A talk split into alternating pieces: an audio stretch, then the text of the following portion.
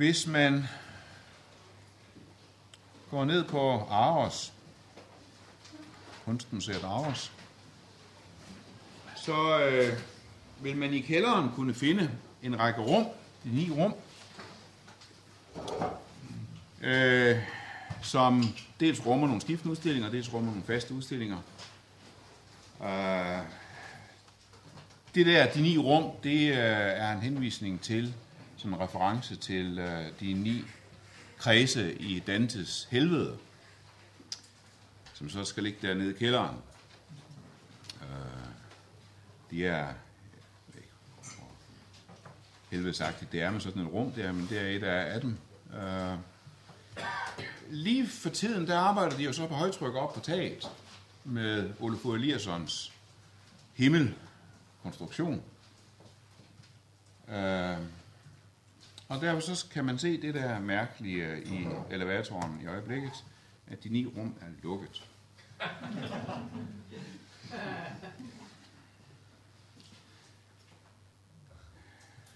Tænk om det kan lade sig gøre, at vi kunne få lukket for helvede, fordi nu arbejder vi på himlen.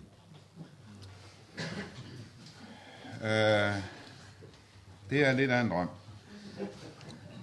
Jeg har flere gange tænkt, når jeg arbejder med det her spørgsmål, kan jeg risikere at måtte lukke og slukke for både min bærbare og for det at kristen? For der er intet, der er den grad kan få mig til at spørge, om det overhovedet kan være sandt, det vi tror på. Om det med Kristus overhovedet kan være sandt. For mig er det ikke bare et spørgsmål om, hvordan vi forkynder, men hvordan vi lever med øh, det her emne. Kan vi overhovedet leve med det? Og jeg forstår så endeligt dem, der arbejder voldsomt på at omfortolke det metaforisk og procentisk, at vi jo alle lever i helvede. Helvede er til stede her i verden. Øh, og det er jo uden tvivl sandt, men den her omtolkning, jeg vil ønske, at jeg kunne, men teksterne er for stærke. Øh, jeg forstår dommens dag som den sidste dag i historien. Jeg forstår kødets opstandelse som en, en bogstavelig opstandelse, en åbning af gravene. Og jeg forstår den evige fortabelse som evig, som evig pine. Der skal kongen sige til dem i sin højre side, kom I, som er min fars velsignede, og tag det rige arv, som er bestemt for jer, som er grundlagt. Det er vores mål, det er det, vi stiler efter, det vi går imod.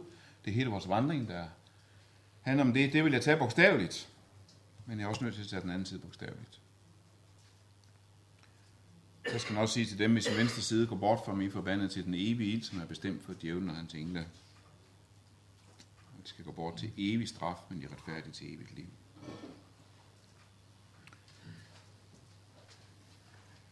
Det betyder ikke, at jeg mener, at så har det præsentiske intet at sige, og vi har intet at bruge. Øh, talen om nuværende gudsrige og nuværende øh, øh verdensrige og helvede og så videre til noget. Men, men, men kernen i det, den er bogstavelig. Og øh, det er for mig en skandale i helt bogstavelig forstand. Nu skal jeg vise jer en skandalon. Det er den der bil der. Det er det græske ord for forarvelse, skandale, skandalon. Det er øh, klappinden. Det er den pind, som udløser klapfælden. Den hedder skandalon på græsk. Og det er det ord, nyeste bruger om forarvelsen, der virker som sådan en klapfælde. Forarvelsen, der både i nytestamentet betegner frafaldet fra Gud, de forarves på Kristus, og så går de fra ham, og betegner også evangeliets kerne, at øh, den er en forarvelse. Evangeliet er i sin substans en forarvelse. Så vi står altså med et, øh, et, et, et, øh, et evangelium, der i sin kerne rummer selve muligheden for, at man opgiver og falder fra, øh, fordi man bliver så ulykkelig og så vred over det. Jeg foreslår to sætninger. Nu skal jeg lige sige, øh, jeg har tænkt mig at snakke en del, men i, øh, i modsætning til så min foredrag, så er I velkommen til både af og både ind. Og så tager jeg min snak hen ad vejen, og hvis jeg kan høre, at det er noget, der kommer tilbage til, så siger jeg, at det kommer tilbage til. Og så har jeg sådan en særlig trick til, at sådan det sidste begynder at sige det. Det har jeg været igennem. Så. Det første, jeg vil sige, forsvar her, det er, at den, der ikke er fristet til at fortige den tone, har ikke forstået Kristi sorg. Det er ikke bare frygtsomhed og kyoneri og vantro og bibelkritik og øh, empati og humanisme og, og, og så videre. Er man ikke fristet til at fortige det her, som ikke forstår Kristi sorg? Den, der forkynder det her med begejstring, har ikke forstået det.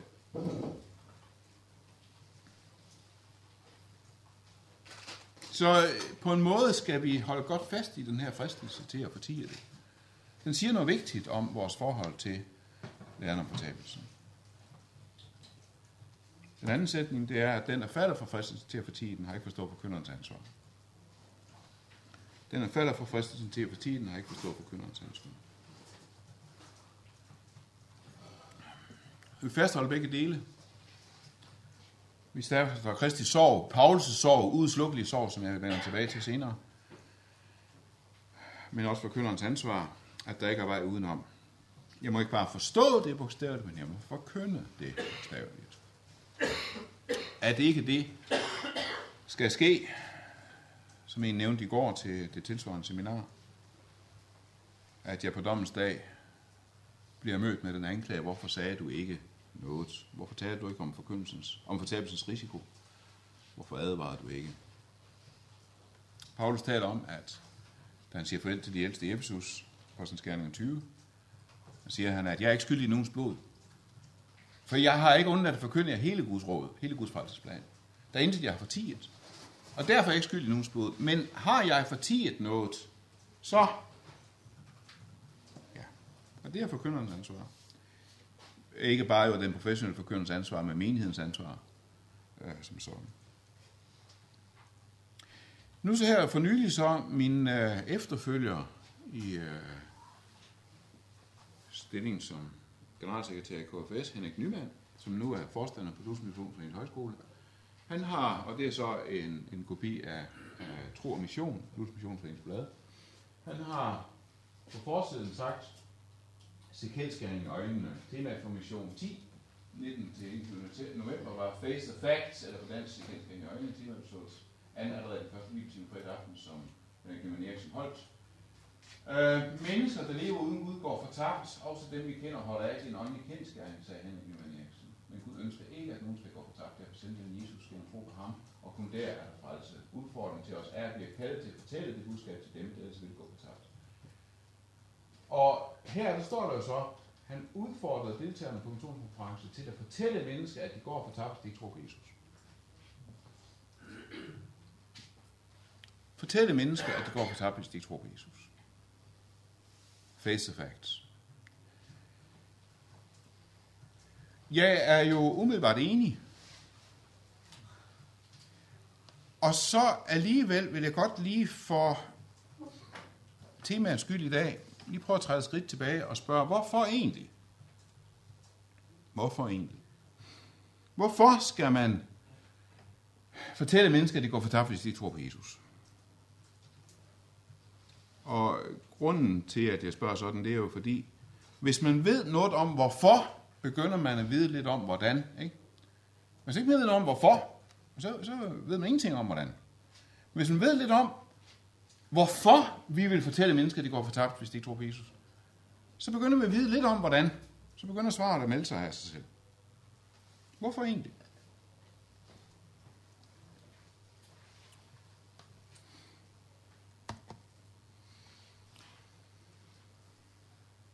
Ved dåben lyder der først et helt vidunderligt ord. Lad de små børn komme til mig, det må jeg ikke hindre dem i, for Gud rige deres. Og dermed så, dermed så har jo Jesus smækket Guds rige for fuld gab. Der er ingen, der er lukket ude. En hver kan komme ind. Der er ingen, der er øh, nægtet adgang. Øh, en hver kan blive som et barn og komme ind i Guds rige. Og lige efter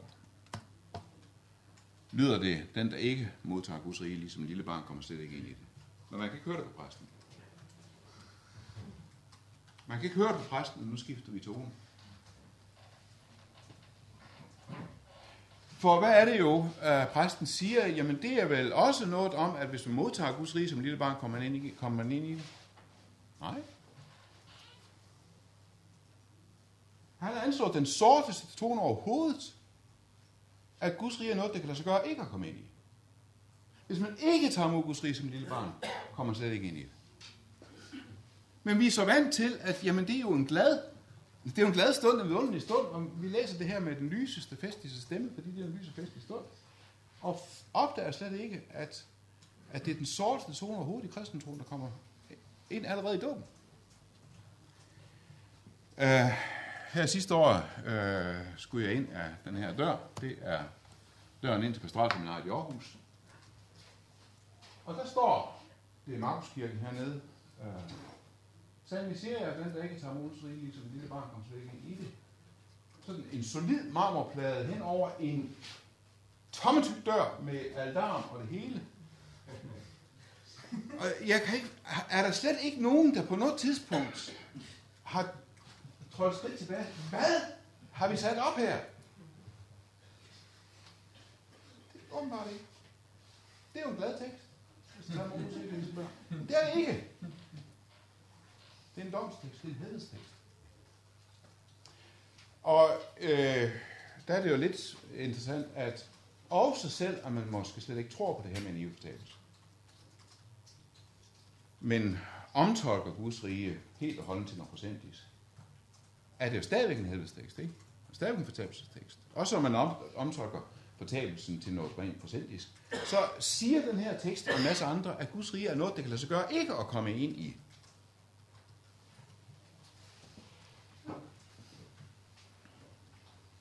Hvorfor skal vi have sagt det der? Hvorfor skal det ind allerede i dåben?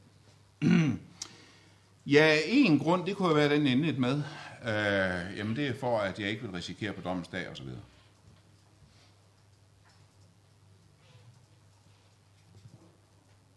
Det er måske ikke den bedste grund. En grund kunne være, at jamen, det står i Bibelen.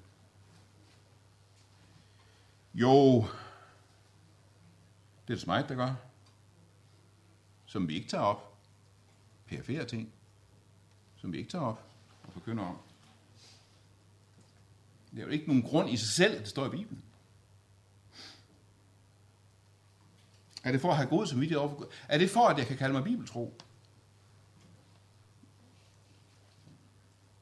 Grunden Hvorfor vi overhovedet skal tale om det her, er det ikke, men det er for, at folk ikke skal gå fortabt. Altså det må vel være grunden.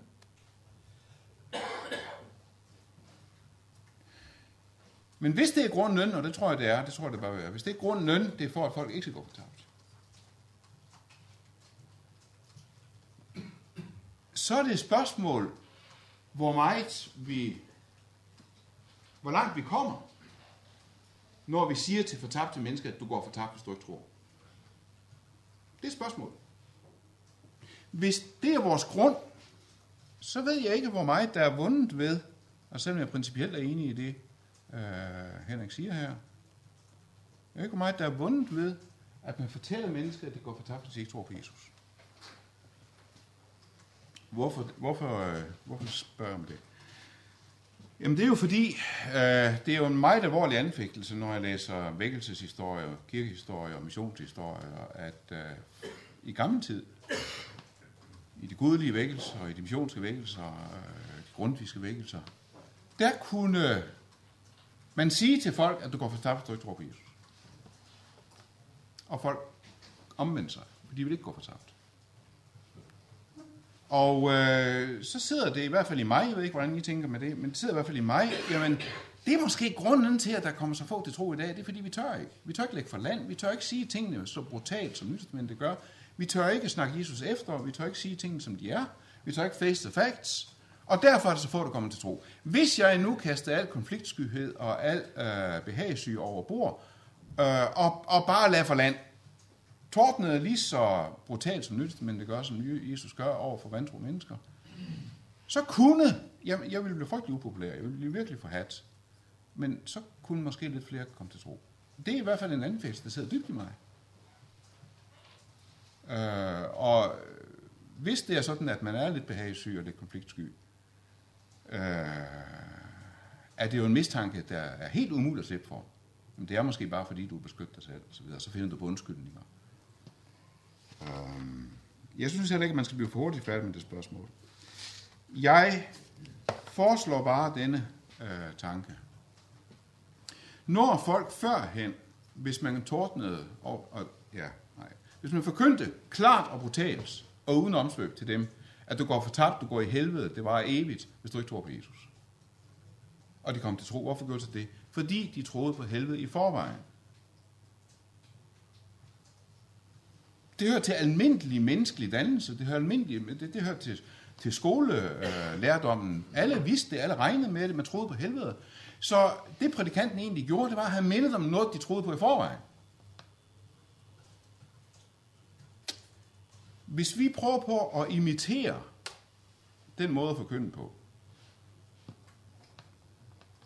til mennesker, der ikke tror på helvede i forvejen, så vil de ikke sige, jamen det er også rigtigt, det er jo egentlig forfærdeligt, jeg kan jo faktisk risikere det. De vil sige, det tror jeg da ikke på. Og gå og ikke efter. I gamle dage troede folk på helvede i forvejen. Og det, så det folk fik ud af det, når, når, når prædikanten mindede dem om helvede, det var den her sunde rystelse. Jamen det er egentlig også rigtigt. Jeg må hellere tage min sag op til overvejelse. Jeg tror ikke på, at det fungerer sådan i dag. Hvis det virkelig er vores hensigt at forkynde fortabelsen, for at mennesker ikke skal gå fortabt, så tror jeg faktisk ikke, det er der, vi skal begynde. Tror du, det, det, det er rigtigt, at de har forkyndt så forfærdeligt meget helvede? Altså, jeg kan godt nej, nej, lov, nej, nej. Men man gjorde det klarere end i dag. Altså, der er en, altså, der, der er jo en karikaturtegning af, af de gamle prædikanter, at de tordnede langt. Og, øh, og jeg, tror, jeg tror ikke, de gjorde det så meget, som vi øh, forestiller os. Det tror jeg faktisk ikke. Men de gjorde det mere, og fristelsen eller i hvert fald mistanken til i hvert fald i mig, at det er måske det, vi mangler i dag, for at folk kan komme til tro. Og det er det, jeg godt lige vil stille spørgsmålstegn ved, om det kan være rigtigt. Og der, vi siger jo med rette, jamen, man kan jo ikke fravælge det. Det hører til pakken. Det hører til hele Guds råd. Jo, det er rigtigt, men hvor mange af os lurer pakken fra, hele pakken fra dag 1? Når Jesus siger, skal torsdag aften, jeg har meget mere at sige til jer, men I kan ikke bære det nu, så tror jeg faktisk, at han tager alvorligt, at, at man kan altså ikke proppe hele pakken i hovedet på folk på en gang. Og man skal ikke begynde der, hvor man ved, at nu går de deres vej. Hvis vi anklager os selv for, jamen det er bare fordi, du er en tøsdreng, det er bare fordi, du tør ikke lægge for land, du tør ikke være brutal, du tør ikke være, være øh, øh, du tør ikke tordne. Kan det være, at vi får ved os selv? Det kan være, at vi, øh, ja, ja, skulle være knap så hårde ved os selv. Jeg synes, det var interessant her i, øh, i, øh, i mandags, da vi hørte Monika Papazzu, hun talte om Kristi opstand i den ortodoxe kirkes tradition. Der nævnte hun, og det er jo fuldstændig rigtigt, at det er jo kærligheden, ikke frygten, der skaber anger. Kærligheden, ikke frygten, der skaber anger. Øh, så får jeg en til at opleve anger. Jeg synes, det, noget af det, der var så stærkt i, i mandags, hun gennemgik, altså øh, den opstandelsestroen i den ortodoxe kirke. Og noget af det, øh, der, der kom bag på mig, det var, at da hun så også gennemgik sådan nogle af ledene i den guddommelige liturgi, den, den ortodoxe kirkes liturgi, hvor meget angeren fyldte. Altså, vi er så bange for, og øh, jeg kan stemme heller ikke være ukritisk over for det her med guddommeliggørelsen, teosis i den ortodoxe kirke osv. Men det er ikke triumfalisme, når de har den der betoning af anger øh, øh i øh, både liturgien og i kirkeåret og, og, og så videre. Øh, det er kærligheden, ikke frygten for en til at opleve anger. Og problemet er, at hvis vi får forkyndt om fortabelse på en måde, der gør, at folk mister tilliden til Guds kærlighed, skaber det det modsatte af anger og tro. Altså det bliver næsten counterproductive. Det går næsten den forkerte vej. Altså for mig må pointen være, at hvis det er rigtigt, at omvendelse, det er anger og tro, og det tror jeg er rigtigt, omvendelse det er anger og tro, og vi forkynder om fortabelsen på en måde, der skaber mistillid til Guds kærlighed, så skulle I hellere holde kæft. Udfordringen må være, at vi forkynder klart, face to face, at vi forkynder klart om forkyndelsen, på en måde, der ikke svækker tilliden til Guds kærlighed. Men det kan man ikke gøre fra dag et. Det kan man ikke gøre fra dag et. Øh, jeg foreslår, at dem, der skal face the facts, det er de troende. Det er ikke de ikke troende. At det er de troende, vi skal have sagt tydeligt til, at de vantro går fortabt. Hvorfor vi skal have det, det kommer jeg tilbage til. Jeg tror, det er os, der skal se kendskærning i øjnene. Og, og det med, at vi siger, jamen vi skal jo have det sagt, ikke også? Nu har vi gjort vores pligt, men har drevet mennesker længere bort fra tilliden til Gud. Har drevet mennesker øh, længere bort fra den kærlighed, som kan give anger og tro. Så ja, øh, har vi så gået vores pligt. Dertil kommer, og det er farligt, en farlig øh, vinkel, vi ved faktisk ikke, så vidt jeg kan se, vi ved faktisk ikke, om troen på fortabelsen er et nødvendigt trosvilkår. Det ved jeg faktisk ikke. Et trosvilkår. Det ved vi faktisk ikke. Altså, jeg tror, at har vi tillid til Kristus, så må vi også have tillid til hans lære, og vi må have tillid til hans syn på skriften. Og at omtolkning af fortabelsen hænger ikke sammen med tillid til Kristus. Sagen er bare den, at på den yderste dag, der, bliver vi ikke, der står vi ikke til regnskab for, om nås bibelsyn hænger sammen. Men vi bliver spurgt, om vi tror på Kristus. Det er det, er det eneste, der bliver spurgt om. Og øh, hvor meget så den tro kan tåle af misforståelser og kætterier, det ved vi faktisk ikke rigtigt. Vi har aldrig fået en liste over punkter, man skal være enige i. Og dermed mener jeg ikke, at jamen, så er det jo slet ikke så farligt med misforståelser og kætterier og så videre og, og vranglærer.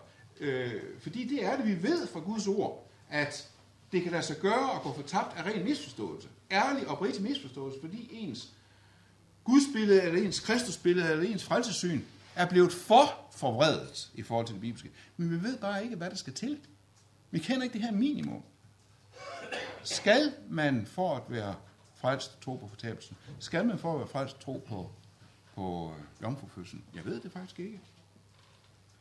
Altså, jeg må sige, at jeg, jeg synes, samtaler og undervisning og videre menighed presser, hvad skal vi sige, et svar på det spørgsmål frem, øh, ja. nærmest ustandsligt. Jeg synes, det, altså, jeg, jeg drister mig til at, at gøre det meget mere altså, sikkert, end ja. du siger det. Jeg simpelthen ja. siger, at, at det store spørgsmål er, det er, om vi kalder på Jesus eller ej. Ja.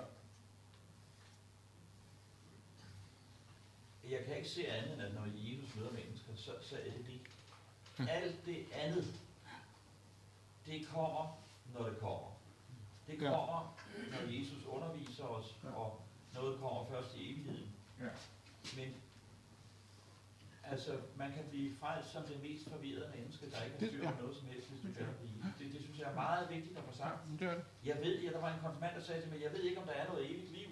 Noget bagefter døden, så sagde jeg, men øh, hvis der nu er noget, hvem vil du så helst møde?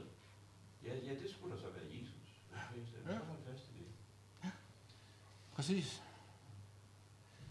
Jamen, det var, det, det, det var her i sidste uge. Jeg sad og snakkede med, det var så hende der, som uh, har mistet de her børn.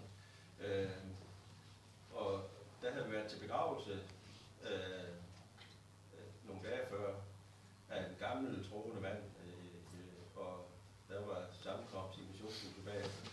Og der sidder hun over for så øh, en af de også øh, gamle troende øh, fra, fra missionshuset. Øh, og, og så siger hun øh, et eller andet med, øh, at det er også dejligt, at du er kommet til tro. Mm. Og så, øh, altså hun har jo de her så øh, været kommet i menigheden i en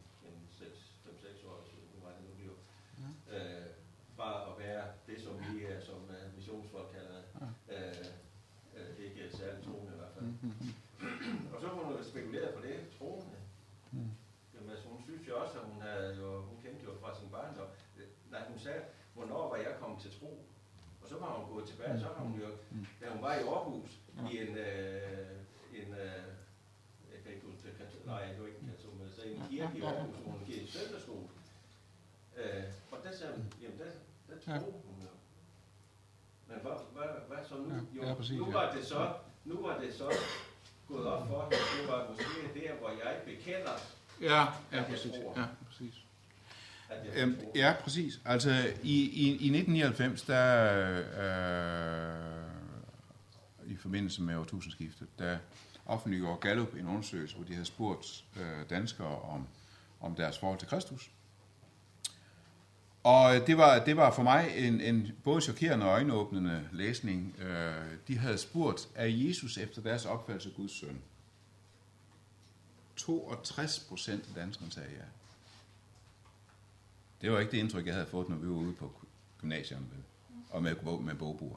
Men det er også fordi, her er det ikke en, en, en KFS-sekretær en missionær eller en præst, der spørger, er de troende? Men det er Gallup, der spørger, er Jesus efter deres opfattelse Guds søn? Ja, ja, ja, hvad skulle det egentlig være? Ikke også? Nu, så krydser man af. Og så kan man sige, øh, jamen kommer man så til et spørgsmål senere i, spørg, i spørgeskemaet, det var, sker det, at de henvender dem til Jesus i bøn? 42 procent sagde ja. E, og måske også fordi, der, der er det ikke en præst eller en missionær, der spørger, det, beder de? Er de et bedende menneske? Nej, men sker det, de henvender? Ja, det sker faktisk, at jeg henvender mig til Jesus i bøn. Så jeg så for mig, at en dag så kom Jesus igen. Han slår op i Gallup. 42 procent har kaldt på mig, og den, der kommer til mig, vil aldrig vise bort ind med jer. Og så vender han sig om til os og siger, og I mine venner, I skulle aldrig have gjort så svært at kalde sig kristen. I skal nok komme ind. For jeg er en barmhjertig Gud. I skal aldrig have stillet til betingelser. Ja. Nu foreslår jeg fire grunde til, øh, nej, øh, fire, fire måder, hvorpå man kan tale om det her. Fire måder. Altså nu bevæger vi os over til det her, hvordan. Den ene måde, det kan være med krigerisk fremskudt kæbe. Jeg ved godt, I vil have mig for det her, men det skal frem. Og så kan I, hvis ikke I lige lugte en bageri, så kan I... Jeg er bibeltro. Der er også det modsatte, som nogen af os kunne falde for fristelse til. Altså, I må virkelig undskylde det her. Jeg har det godt med det. Jeg er, fuld, jeg er faktisk fuldstændig på jeres side, men jeg skal sige det. Altså, og egentlig så kan jeg ikke forstå, at Gud ikke er så kærlig som mig i det her. Øh. Og hvis jeg havde siddet på tronen, så havde jeg dømt helt anderledes. Det er også en måde. Og så er der at jeg, jeg skal have det sagt for min samvittigheds skyld, men gider du ingen opdager det? Jeg synes ikke, I skal grine, grine der. Nej. Så er der den fjerde, som jeg jo tror mest på. I en meget, meget stor bue. Og det mener jeg ikke, at man går i en stor bue uden om det her. Men man nærmer sig det i en meget, meget stor bue. Og sige til mennesker, kom til Jesus. Jamen, det, det, det kan gøres på et sekund, ikke også? Og de vender om og kommer til Jesus. Og han viser dem ikke bort. Men hvis de skal bevare den her tillid til Jesus og til hans kærlighed, helt derover, hvor man også tror på en Jesus, der på dommens dag siger, gå bort fra mig forbandet, uden på vejen at have mistet sin tillid til den kærlighed, så kan det være, at der skal gå meget, meget, meget langt. Og det kan være, at man til at begynde med skal slå følge med den her protest, og den her vrede, og den her uforståelighed, uden at man står og snakker om sig selv. Jamen, jeg har det også svært med det her, og det er ikke nemt, og jeg er lige ved at lukke øh, øh, både troen og, og, og, og så videre. Men, men at, at, at man er solidarisk med protesten i det her. Og, øh, og der, der mener jeg ikke, at så skal man til at lade som om, at man også... Altså, hvis, ja, hvis man skal grave ret dybt for at finde frem til protesten og forfærdelsen øh, og sorgen i en år det her, så har man ikke noget at gøre på en talerstol. Men man er i kontakt med det her, sådan at det kan mærkes. Det her, det er en Paulus sorg, det er en kristi gråd, vi taler om her. Og nu vil vi bevæge os i retning af det der. Og det er en omvendelse, der altså måske tager lang, lang, lang, lang, lang, lang tid. Det kan være for den enkelte, det kan, det kan, det kan være det for en menighed øh, og, og så videre.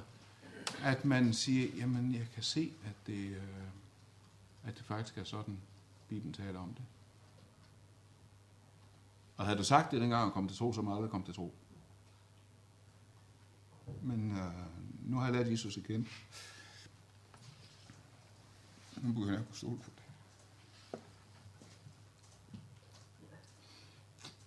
Jeg tror faktisk, jeg har, øh, jeg mener, jeg har erfaring for, at selv, altså ikke bare i over år, men selv i løbet af et enkelt foredrag kan det lade sig gøre at gå den her meget store bue. Øhm, her sidste år, der blev jeg bedt af en af mine gamle venner, som er præst i dag. Hun havde spurgt, om jeg ville komme øh, til en sovneaften, fordi de tre præster der, de var trætte af, at hver gang der var sovneaften, så var der en kvinde, som begyndte at tage det her om fortabelsen og dommen og loven, og sagde, at hun kunne ikke forstå, at den kærlige Gud ville dømme. Og de her tre præster, de forstod det her med dommen meget forskelligt. Hende, jeg kendte, hun, øh, hun, hun forstår det ligesom jeg, som lever på tabelse. Men de var alle sammen, de synes alle sammen, at de har faktisk behov for, at, at, at øh, der var en aften, som koncentrerede sig om det her. Sådan som jeg oplevede det, så fik vi faktisk en samtale ud af det, fordi jeg havde brugt så lang tid på alle indvendingerne, al protesten, al sorgen, alt det i os, som, som, som, som øh, ikke kan holde det her ud. Sådan at det rummes. Altså det er først, når folk oplever, at deres protest og deres sorg og deres vrede imod det her kan rummes. Det er først da, de kan begynde at høre efter den anden side. Og derfor så skal vi gå den her meget, meget, meget store bue. Ikke uden om, men, men hen i retning af at give folk lov til at give folk tid til at være på vej meget lang tid. Jamen altså, hvor var vi ellers henne? De, øh, os alle sammen. Det var ikke bare den vantro, ham der ydede. Men hvor var vi alle sammen hen, hvis ikke vi havde hvis ikke Guds ord havde kunnet rumme.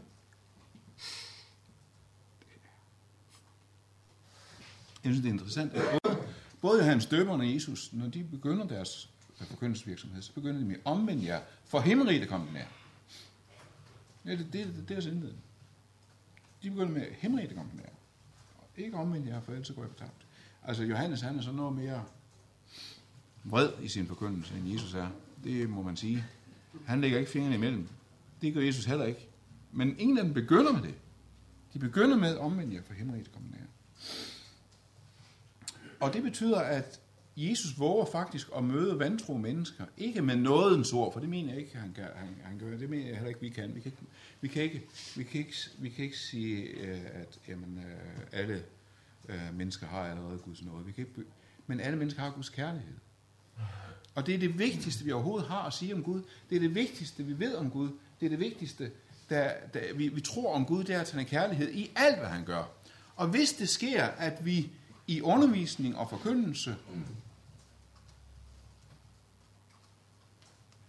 mindsker menneskers tillid til den kærlighed, så øh, har vi ført dem længere bort. Det hjælper ikke noget, at de siger, Nå, jamen altså, så må jeg, altså, hvis det virkelig er Guds ord, så må jeg jo... Øh, jamen, så er Gud ikke så kærlig, som jeg havde håbet. Det er nok også for godt, det var sandt. Det er jo muslimens måde, at jeg må underkaste mig. Jeg, jeg må underkaste mig. Muslimens grundholdning, det er underkastelsen. Ikke? Vores grundholdning, det er ikke underkastelse, det er tillid. Det er troen, det er tillid til Gud. Det hjælper ikke noget, at jeg underkaster mig noget, jeg ikke har tillid til. Ja. Ja, ja men jeg, øh, skyd. Kom ind. Nå, men øh, det er man tanke hele tiden, så styrer mig simpelthen. Ja.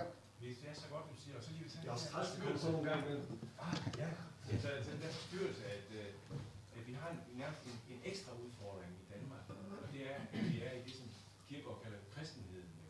Ja. hvor alt og alle er kristne.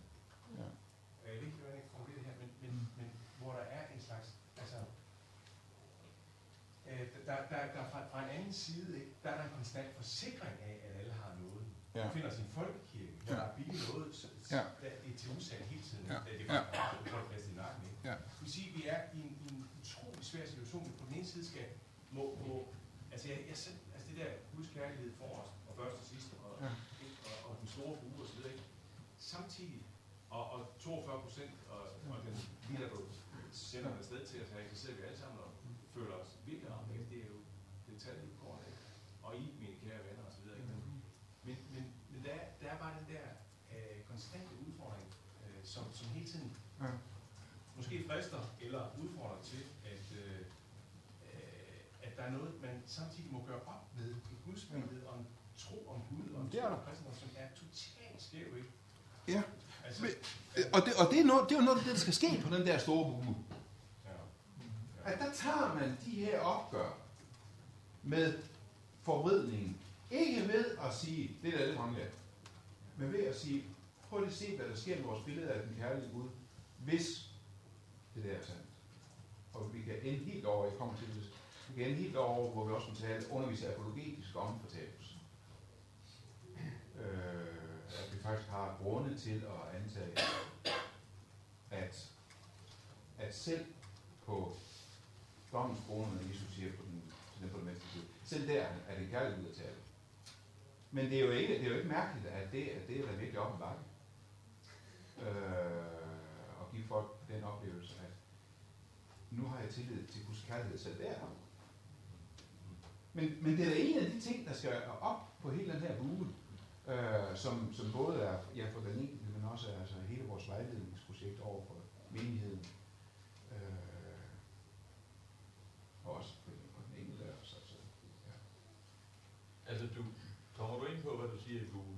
Ja, ja, ja, ja, ja. ja. Er godt. Nej. Ja. Altså, med Jesu forkyndelse om livsrige, der er og så videre. Altså, jeg, jeg skal tænke over, men jeg, jeg ved ikke, om jeg kan følge dig. Det han siger, det er, omvend jer for Guds rige er nær. Ja. Det betyder, det faktum, at Guds rige er nær, Mm. må være en begrundelse for at skulle omvende sig. Ja. Det betyder, at forudsætning for det er, at det, at Guds rige kommer, betyder, at hvis I ikke omvender jer, så kan det galt. Ja. Og det forudsætter så, at det Guds rige, der kommer, det er der ikke er entydigt positivt fra start af, så står jeg mener. Der er et særdeles negativt potentiale, skal Ja. udtrykke i det.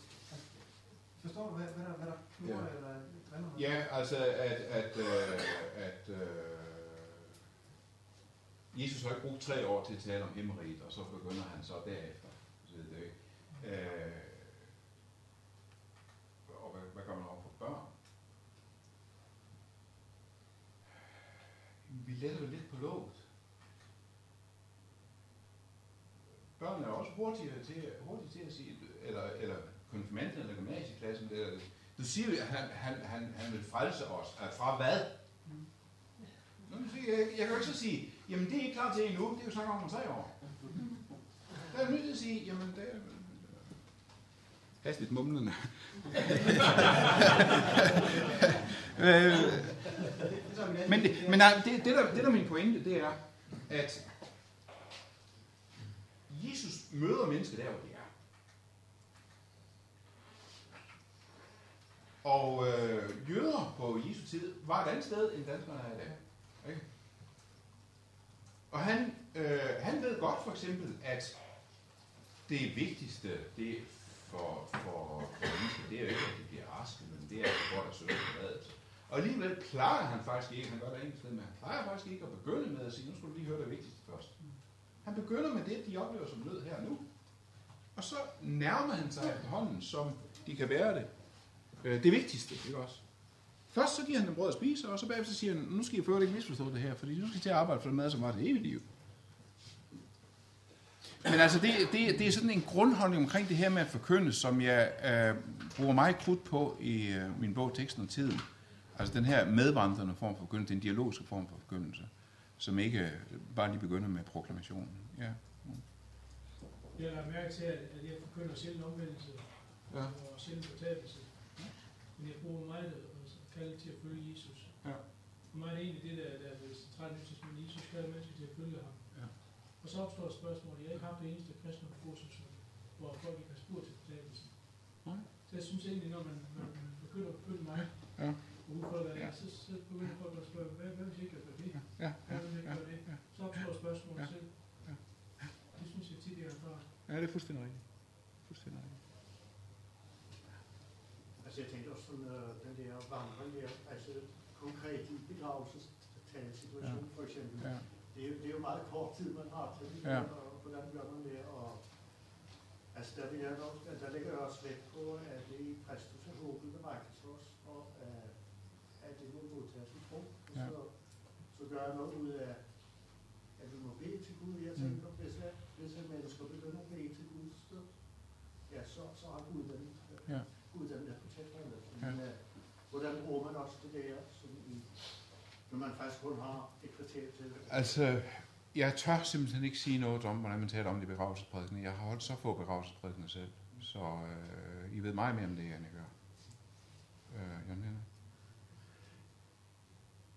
Jamen, så jeg har lyst til øh, måske at, at pege på, at, at øh, der er vel vanskeligt eller meget dårligt et alternativ til, til øh, skal vi sige, den mere dialogiske og åbne øh, tilgang. Der findes vel ikke noget alternativ til at gå mange forskellige, af forskellige buer øh, i vores forkyndelse og undervisning. Øh, altså særligt med tanke på, på det senmoderne øh, autonome menneske, øh, som, som har en, øh, en øh, selvrefleksivitet, som, Mm. mm. som, som er anderledes end den, som vi øh, kender fra vores barneår fra Ja. tidligere generationer. Ja. Øh, hvor der var meget mere fast defineret. Øh, vi er jo nødt til at åbne op for den der meget øh, dialogiske, dynama- dynamiske måde Mm. at gå til det Mm. her på. Mm. Jeg kan ikke se noget alternativ. Og det kan godt være, at det bliver en tålmodighedsprøve, Mm. mm. øh, hvis vi er meget faste i, i vores, vores eget køds teologi. Altså, Mm. mm. øh, hvis vi er meget faste i troen, så, så det, kan det være noget af en prøvelse at tænke på den måde, men jeg tror ikke, Mm. der er noget alternativ til det. Nej. I hvert fald ikke i forhold til de mennesker, som jeg har haft rigtig meget med at gøre de sidste 3-4 år. Hvor jeg har brugt hele mit liv på øh, at være i samtale med mennesker, som er så rimelig langt fra kirke og kristendommen.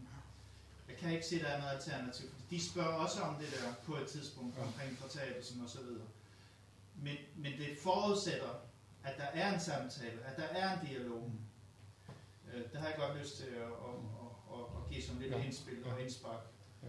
For jeg hører, Jørgen Sarkers, at du siger noget andet. Øh, eller jeg vil gerne tro, at du faktisk også er i den selv samme dialog. Det tror jeg faktisk, du er. Med rigtig mange mennesker. Ja. Og at du også er, øh, er villig til at vente og tøve og, og så videre og så videre. Men hvor hørte du, at Jørgen siger noget andet? Jamen, jeg, øh, det var den der meget kontante efterspørgsel om... om, om, om, om, øh, om Nå, hvad man så siger i den bue. Ja, altså, Nå, okay. ja, det er det, jeg hører, men det kan han jo selv afrette. Det var en provokation.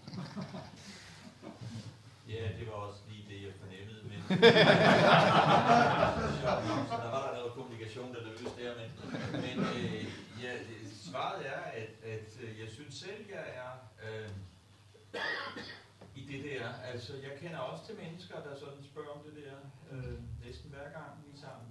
Øh, og så må man svare så godt man kan, og, og så gør det igen og igen, og så videre, og svare på alle de andre ting. Så jeg synes, da, jeg er fuldstændig enig med dig, øh, Jørgen Henrik, at, at øh, der er kun den der. Vi må blande os med mennesker, vi må snakke med dem efter prædiken og til alle de møder, vi holder, og så må vi tage imod det ved det. Så længe vi overgår til hele livet, det er det, det, det, det, vi skal. Og så må vi også være de steder, hvor vi normalt ikke er. Ja. Er Ja, og, øh, og, og, der, og der er det jo ganske, der er det for mig ganske afgørende, at man, at man, man, man, er i, man er i kontakt med det i sig selv, som er samme sted som de andre.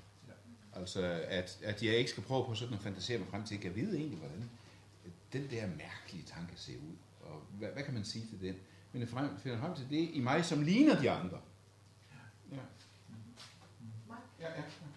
Det, det, det, det var bare det, når jeg har siddet til begravelsessamtaler, måske hver femte, syvende af dem, så sidder de og taler om, at vedkommende hellere vil helvede. Hvad siger de? At de Ja. vedkommende hellere vil i helvede. ja. At helvede begynder at få at være et godt sted, for der, der er meget mere Sjov. sjov. Jo, jo. Ja, og det, kom, det, er- det er jo noget af den her besynderlige mytologi, der er opstået, Ja. øh, som, som, som ikke er helt uden vores... Det er ikke, det, vi, vi er ikke helt uskyldige i det selv. At, øh, Det er jo, det er jo bagsiden af, af paradis, der ligger lige ud på den anden side af paradis. Altså, det er blandt andet øh, Dantes øh, tænkning frugtbargjort i, i den nye spiritualitet. Øh, men det er et emne for sig. Det er utroligt spændende. Det er utroligt fascinerende. prøv at lægge mærke til Men det. også, måske også meget problemfyldt. Jeg synes, det er meget problemfuldt, for hvis vi kun har den dialog med, med, med, med, med sådan der, altså et eller andet sted, så skal vi, skulle vi måske begynde at, at tale om helvede på en måde, hvor folk fornemmer, at vi mener, at det er noget negativt. Ja, ja, ja. jamen Det, jamen, det er jo ret. Øh, ja, vi havde lige en lille korrektion. Det er det, det, er det. Prøv, at- mærke noget meget, meget mærkeligt. Hvis I, hvis I læser Dores, øh, jeg ser Dores illustrationer til Dantes guddommelige komedie. Øh, hans skildringer af, af, af, øh, af helvedescirkler og, øh, og purgatoriet, øh, er meget mere spændende end de himmelske cirkler. De himmelske cirkler, de er monotone og kedelige. Ja. Altså jeg, øh, jeg er selvfølgelig enig i, at vi ikke kan bruge de første tre skønne beskrivelser, du har deroppe. Men jeg ser jo samtidig et stort problem i vores almindelige søndag efter søndag prædiken, hvor der jo, øh, jeg ved ikke hvor lang tid vi hver især prædiker, men jeg synes jo ikke, at der er tid til en meget, meget stor bue i en almindelig søndagsprædiken. Nej. Og der er bare mange tekster, hvor fortabelsen bliver nævnt på den ene eller på den anden måde. Og jeg synes, Ja, det det er er der. svigt, at hvis vi Jo. springer udenom, fordi Ja. vi siger, at vi har ikke tid til en meget stor bue, så vi må nøjes med at tale om det her med mennesker, vi har snakket med igennem flere år. Og, og der synes jeg måske, der, der bliver en udfordring i, øh, i din fjerde model, som jeg som uden tvivl er den rigtige møde med mennesker, i hvert fald de mennesker, vi møder. Men hvad med de der dåbsfamilier, der kommer på en heldig søndag, hvor teksten altså egentlig gerne vil skifte ud? Der var ikke tid til en meget Nej, det er der ikke. Det er der ikke. Og, og der, der, der, der, der må vi ikke rammes af den dom, at jeg har jeg er skyldig i folks blod, fordi jeg har fortjent sådan noget. Altså, men, men det her, det handler ikke så meget om heller, at der er en frygtelig masse tid på det, fordi det er andet. Der er også der er grænser for, hvor meget vi kan koreografere en dialog. Øh, det kan vi simpelthen ikke. Men, men, men det handler mere om en grundholdning. Altså, at folk kan mærke, at jeg faktisk er på vandring sammen med dem. Øh, det, det, det handler, det, og det er godt gøre på forholdsvis kort tid, men det handler om en grundholdning, de kan mærke hos os. Ja. Ja, ja. Tænker på, altså, når du siger det der med dialogisk og, og sådan noget, modsætning til det, er det meget skråsikker? Øh, ja, det er det meget skråsigt, det er det meget ufølsomme, øh, det er det meget proklamatoriske. Øh, ja, ja, ja, det, ja.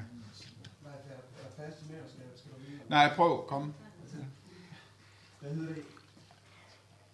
Og så som jeg sidder og spekulerer på, så, så vil jeg stille spørgsmålstegn ved, om vi kan gøre det helt så entydigt med, at, altså, at folk er der, hvor de skal enten. Altså, at de skal den der meget store mm. Jeg tror, det er rigtigt. Jeg tror især, det er rigtigt, når jeg øh, snakker med mine naboer og, og så videre.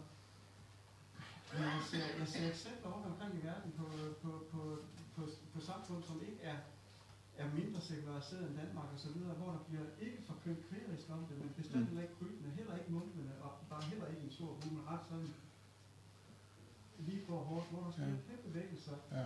netop når det sker. Ja. Men, jeg, altså jeg, jeg tror, at vi også er forskellige som forkyndere. Det tror jeg og også. Vores tilhører Ja. er forskellige Ja. og så videre.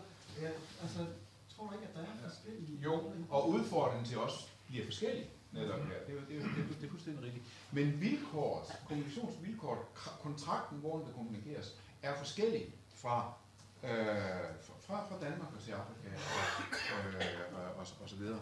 Øh, øh, og, og, og det er jo ikke for, at vi så pludselig skal være opportunistiske og lumske. Prøv at lægge mærke til, hvor, hvor forskelligt Jesus taler, og hvor forskelligt Paulus skriver. Det er de forskellige, hvor forskellige apostlen taler, ind i forskellige sammenhænge. De taler jo vidt forskelligt. De er græker for græker og jøder for jøder. Og vi er posten, der for postmoderne danskere. Og kan ikke hælde vores hoved til, at det fungerer anderledes i Afrika. Det, gør, det, det ved jeg godt, det gør. Nej, nej. Nej, det er USA. altså. Ja, ja, ja. Men, det, men der fungerer det altså også anderledes end i... Øh, øh, Men det er ikke på grund af en kristen ting, der ligger på forhånd. Den er simpelthen væk. Det er så langt ude i den del af USA, som jeg Ja. Vi fortsætter. Altså, for mig er det helt afgørende, hvis, hvis man både som forkynder og som tilhører skal øh, fastholde på den her store vandring hen imod, at man ja, tror på det her med fortabelsen uden at miste tilliden til Guds kærlighed. Øh, hvor går man så hen? Det var en mulighed. Kom til mig, jeg er ligesom en træt af tyngde byrder. Øh, jeg må tilstå, mig hjælper det ikke meget at gå ind i Københavns Domkirke. Nu skal jeg virkelig passe på. Jeg skal virkelig passe på, fordi jeg ved, at så mange elsker den her. Og jeg kom engang så forfærdeligt galt afsted op i Strandby, hvor jeg faktisk fik sagt på talerstolen, at jeg var ikke glad for Torvaldsens Kristus. Og mens jeg sagde det, så så jeg, at op på den ene langsvæg, der stod sådan en stor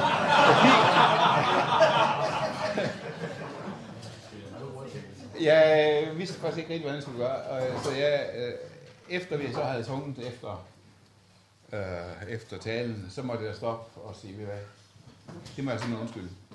Det, jeg, jeg tænker mig i morgen, jo. Og øh, så under vidnemødet bagefter, så var der så en, som stod op og, og sagde, ved du hvad, jeg kan ikke huske, hvad du sagde, men jeg kan huske det så undskyld.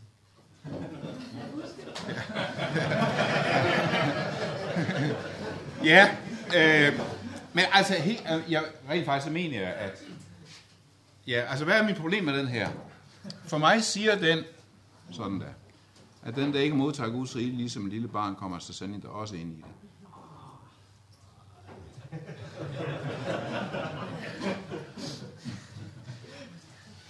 Nej, måske nok ikke, måske nok ikke den her.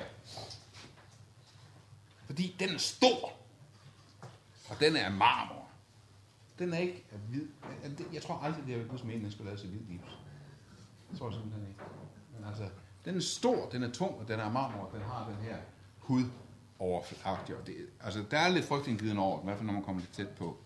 Men, men, men, men, men i hvert fald den lille gipsafstykken siger for mig et eller andet om, at det kan næsten ikke lade sig gøre at stille sig uden for den farve. Det kan næsten ikke lade sig gøre. Der er ikke nogen venstre side. Øhm, og øh, når jeg siger det på den måde, så er det lidt fordi, jeg hørte en gang om Bodil Kok, at hun havde sagt til Broby Hansen, kirkeminister Bodil Kok, hun havde sagt til Broby Hansen, som forbenet kommunistisk øh, kunstner, øh, skulle vi to ikke tage en hammer og gå ind i Københavns Domkirke og smadre Torbertsens Kristus, og erstatte den med Pastor Lejers cementkristus. Og det var dog en vanvittig tanke. Og så alligevel, fordi Pastor Lejers cementkristus er faktisk for mig meget nærmere det, der kan give mig tillid til Kristus i det her. Pastor Lejer var øh, en løjelig størrelse i Hjalrup. Øh, min far kunne huske ham. Øh, I 30'erne. Øh, kontant og barsk forkyndelse, og så var han en meget mærkelig kunstner, som øh, ude i sin, i sin have lavede bedende mennesker i cement, og der lå en Judas øh, med, med kovermønter i, næ, kovermønter næven.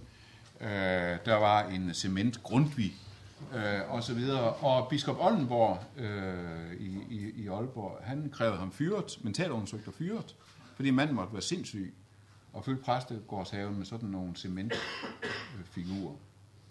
Og øh, han blev faktisk fyret, selvom 80% af sovens indbyggere skrev under på støtte til pastolarer. Og Kai Munk gik i bræschen for pastolarer, men det hjalp altså som ingenting. Øh, han blev fyret, og så levede han videre som fri kunstner.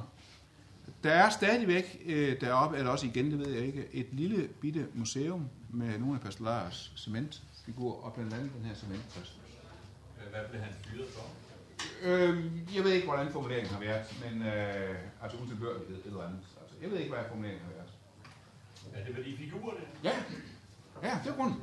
Det er grunden. Jeg fik en mail fra hans, barn og barnebarn, Nå. som tog foredrag om, Er det rigtigt? Ja. Okay. Ja, det kan være. Ja. Øhm, han, øh, han blev så inviteret til at lave en udstilling på Den Fri i København messen til til Kristus. Hvor han jo så også havde Kristus på korset, Judas, Marie Magdalene, Samuel, Christian den 10, Stavnen, Hitler, Mussolini, Roosevelt og sådan noget, Råsted. øh, alt sammen i cement. Politichefen i København, han, øh, han bestemte, at den måtte ikke udstilles. Den måtte ikke hænge på plakater i København, fordi den var for USD, den var for stødende. Hvortil jo der sagde, at der øh, har der aldrig været noget æstetisk ved at se et myrdet menneske. For, hvad, som Kai Munk siger, hvad er det, der sker her? Har Pastor Lars simpelthen taget en af sine, vest, øh, en af sine, vest, øh, sine himmelske bundkatte, kylet ham op på en plank og lader ham brøle og krumme sig til døde i solens brand, og mange egentlig kun spyfluren. Nu om stunder så korset, krucifixet, det er sådan en lille guldsmykke. Øh, det hænger mellem en nonnes jomfruelige bryster. Øh, det her, nu kan man pludselig se korset igen. Hvad er, hvor, hvorfor er det for mig, at der, at vi begynder at nærme os noget, der kan... Fordi Lars Christen for mig siger, at, at vi tror på en grædende Gud.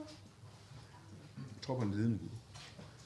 Altså hele forestillingen om den kolde dommer på sædet, hævntørstig og hævngærig, som siger til dem på den venstre side, jeg vil ikke have mere at gøre, er fuldstændig ødelæggende. Øh, I Kristus, og, og det er så for mig illustreret blandt andet ved Lars Kristus, tror på en grædende Gud. Jeg tror på Guds brede. Jeg tror, der findes en brede hos Gud. Jeg tror, det er frygteligt for den levende Guds hænder. Men skal jeg ikke misforstå det der med Guds brede, så er jeg nødt til at forstå, og jeg er nødt til at skildre det, jeg er nødt til at forkynde som en grædende brede. Og ikke som en kold hævntørstig vrede. Jesus bliver vred. Det gør han, det er fuldstændig rigtigt, men dem han bliver vred på, det er jo ikke børnene, det er dem, der holder børnene væk. Dem man bliver vred på, det er tollerne, som holder skørerne væk. Øh, dem han bliver vred på, det er dem, der ikke vil gå ind. Nu vil jeg lige tillade mig at læse et, noget af et afsnit fra en bog, jeg skrev for nogle år siden, der hedder Ateistisk Andagsbog. Den øh, kom her for et par år siden i en ny udgave. Nu med nuancer, står det i under titlen. øhm, og øh, der kommer så, og det, det er en ret lang tekst, der er to slides. Det er det afsnit, der hedder Sort Tro. Jeg står over for en meget, meget stor hvid væg. Meget smuk, varmt hvid. Den lyser indefra. Den er fuld af skuffer. Spændende skuffer, meget forskellige. Nogle er sekskantede, nogle er trekantede, nogle er firkantede, nogle er små som en tændstikæske, nogle er store som et skrivebord. Denne væg er min tro. Det kan godt være, at jeg ikke altid oplever den så smuk og spændende, men det er den, og mit liv går med at gå på opdagelse af disse skuffer. De er meget let løbende. Jeg kan trække selv den største skuffe ud med min lille finger. Jeg trækker en ud, der ligger en lille løve og sover. En stor, stærk, flot handløve, men i mini. I en anden ligger en stor bog, håndbrændt på pergament. Den handler om forudsigelsen om Jesus i det gamle testamente. I en tredje ligger 12 ædelsten, 4x3 på blot fløj. I en skuffe er der groft salt. I en anden er der en bitter bog, der smager som honning. I en er fuld af blomster. I en ligger en Sony Discman. Det er lidt gammel tekst det her. En Sony Discman med Carl Nielsen violinkoncert. Og i en ligger sanden den hellige gral. Der er en meget stor skuffe midt i. Jeg åbner den. Den er fuld af Jesu kærlighed. Indvendigt har den samme farve som blod, ikke uhyggeligt indvoldsrødt, men varmt hjerterødt. I en anden stor skuffe i nærheden er simpelthen lys. Selve skuffen lyser. Det vælger ud af den, men jeg bliver ikke blændet. Jeg bruger mit liv på at gå på opdagelse i disse skuffer, og en gang imellem træde tilbage og prøver at se på det hele på en gang. Hvor er kristentroen dog rig? Hvor er den stor, spændende, forskellig overraskende? Men jeg gør det ikke så tit. Hver gang kan jeg ikke undgå at få øje på den sorte skuffe. Den er det eneste i hele væggen, der ikke er hvidt. Og ligesom lys kaster lys skal ind over noget mørkt, er det næsten som om denne ene sorte skuffe kaster mørke skal ind over alt det andet på væggen. Indtil det andet kan være helt varmt, helt lyst, helt hvidt, så længe denne ene sorte skuffe er der. Der står helvede på den. Den hører med til min tro. Der er noget, som på dommens dag vil høre Jesus sige, gå bort fra mig, forbandet til den evige ild. Så længe den er der, føler jeg, at jeg ikke helt kan glæde mig over lyset og varmen og hvidheden i alt det andet. Den sidder som en sort sår i min tro. Jeg åbner en af de andre skuffer, den er fuld af Jesu tilgivelse. Jeg bader mig i dens glæde, jeg bader mig i Guds smil. Men jeg prøver at stå sådan, at jeg ikke samtidig kan se væggen store sorte sår. Det er ikke alle, der beder Jesus tilgive dem deres synder. Jeg åbner en af de bedste skuffer, der med alle håbet om det evige liv. Og bare jeg kigger ned i den, så tørres tårn væk på mine kinder. Sorgen skrig der ikke er mere. Der kommer en dag, hvor selv døden er væk og ikke er mere. Men jeg prøver at stå sådan, at jeg ikke samtidig kan se det store sorte sår. Det er ikke alle, der får evigt liv. Nogle af dem, jeg kender, vil måske ikke leve på den nye jord. Men pigen siger, at evighed uden Gud og uden håb. Og det er det her sidste, der er det værste. Uden håb. Da jeg fik mit første værelse som, som teenager, fik mit eget værelse som teenager, så skulle det jo udsmykkes på tårlig vis, og øh, jeg skrev så over døren, her lader alt håb ude.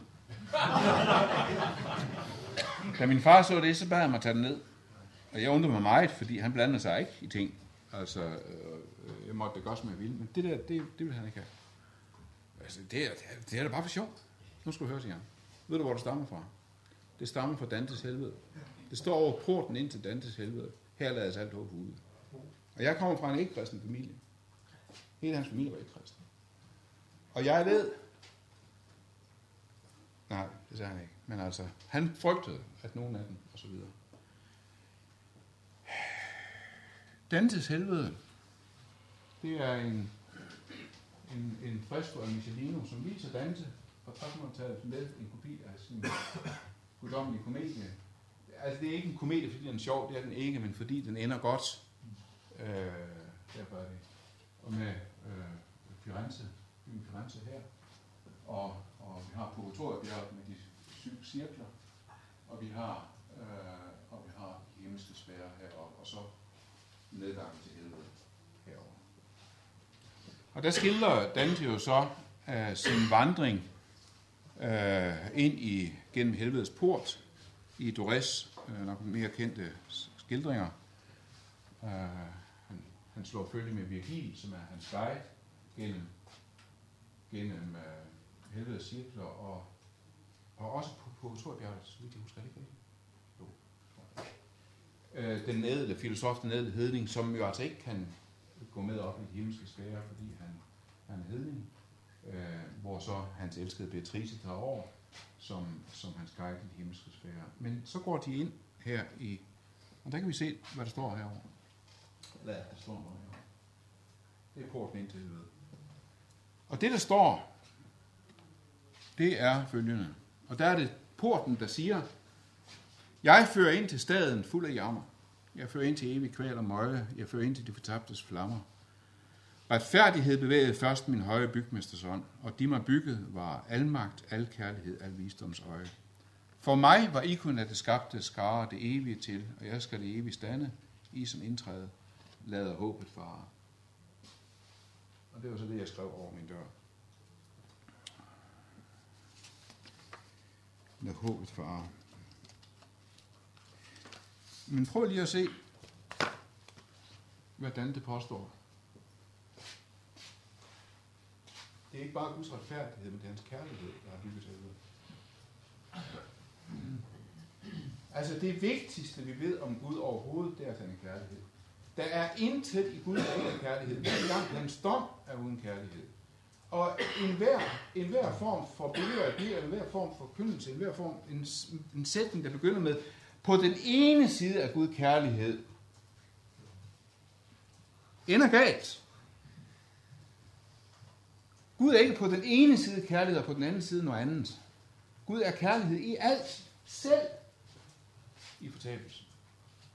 Og det er livet om at gøre, at vi når vi forkynder, eller underviser, eller forsvarer apologetisk det her med fortabelsen, at så menneskes ikke menneskets tillid til, at det er kærlighed, der er Guds bevæggrund, også i ja.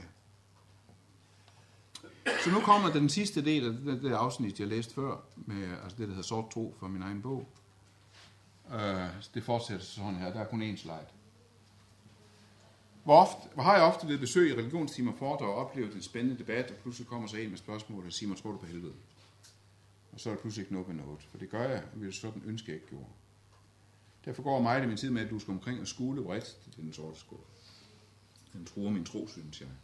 Alle fortrængningsmekanismer står på spring. Er det, der ikke er alligevel en brist i Guds kærlighed? Men fortrængning er ikke nogen god løsning. Hvordan ville det være, hvis jeg nu i stedet gik hen til skuffen, åbnede den og kiggede ned? I skuffen ligger på briller med blodrød glas. Ikke uhyggeligt indvoldsrødt, men varmt hjerterødt. Jeg tager dem på, går nogle skridt tilbage og ser på væggen igen. Nu er den hvid, helt hvid. Også den sorte skuffe. Helvede det skulle er det stadig. Nu ser det gennem Jesu blod. Gennem Jesu kærlighed. Jeg har taget fejl. Det var ikke en brist i Guds kærlighed, det var en fejl i mit syn. Smerten og gåden er der stadig, men det dæmmer alligevel. Det er jo hverken fanatiske profeter eller foruden disciple, der i Bibelen forkynder med helvede. Det gør den ene mand, hvis kærlighed jeg ikke kan betvivle. Hvor er det latterligt, at jeg ville belære ham om, hvordan han skal dømme og tale på den yderste dag. Han som selv græd over fortabelsen, han som leder døde for at redde os fra den, han som står op for de døde for at knuse dens magt. Altså, hvad er det, jeg konkret mener med, at man kigger ned i skuffen? Øh, I stedet for at fortrænge det og luske omkring og skule til dem. Jeg mener ikke, at man skal prøve på sådan, for at sætte sin mandighed på prøve og se for sig de fortabte i helvede. Altså, man kan, jo, man kan jo gå hen og blive så bibeltro i hovedet, at man synes, jamen, jamen skal jeg være lydig mod Gud i alt, så skal jeg næsten prøve at se for mig. Altså, jeg, jeg kan ikke, jeg kan ikke, jeg kan ikke, øh, jeg, jeg tror ikke på det. Altså, alle andre emner, alle andre emner, der, der, der, der, der, der, der synes jeg, der har jeg erfaring for, at de har det bedst op på bordet. De virkelig farlige spørgsmål, det er de gifte, der ligger nede i kælderen og visker, og som aldrig kommer op på bordet.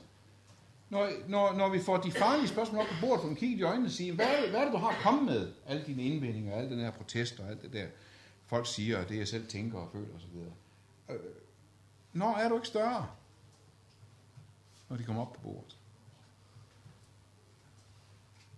Undtagen lige det her. Jeg så engang en James Bond-film, hvor der var en, en, en skurk, han hæv en, en, en af de andre agenter ud til nogle flok hajer, som jo gik øh, på ham. Og lige før hajerne, de flår ham, så skråler jo agenten trodset ind til skurken, see you in hell. Jeg fik simpelthen chok. Fordi det skulle sådan være mandigt og modigt også, vi ses i helvede. Men jeg tror på helvede, og det betyder, at det, for mig var det overhovedet ikke nogen mandigt og modigt i det. Øh, det var rablende vanvid. Ja, man skal ikke se helvede, man skal løbe langt væk. Så det er, ikke det, det er ikke det, jeg mener med, at man sådan skal prøve at se på, se øh, det i øjnene med de her briller. Det er, og nu må jeg altså undskylde mig en, en virkelig overtolkning. Altså, øh, altså jo så ikke af en bibeltekst, men af Rembrandt. Øh, men jeg holder rigtig, rigtig meget af det her billede af Rembrandt af den hellige familie. Og grunden til at gøre det, og her står om, her står Josef jo så, og med sine tømmerredskaber og en eller anden grund, så kommer han engene ned små størrelser der. Og så sidder Maria der og læser. Og øh, hos Rembrandt er det vel en bibel, øh, kan man gætte på. Hun sidder og læser, kom, men hun sidder og læser i. Og så gør hun det, som vi jo alle sammen har gjort. Vi skal lige kigge ned til den lille. Og det er det, jeg synes, jeg hele tiden er nødt til. Og jeg synes, det er det ikke er til at holde ud.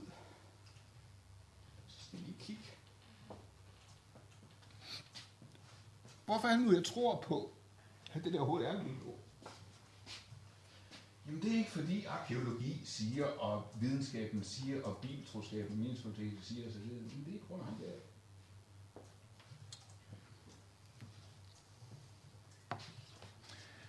Um, og jeg ved da godt, at det er kun gennem Bibelen, jeg kender Jesus af Nazareth. Men det er gennem Jesus af Nazareth, der får tillid til, at det overhovedet stadigvæk kan være Guds ord. Og at Gud er kærlighed i det.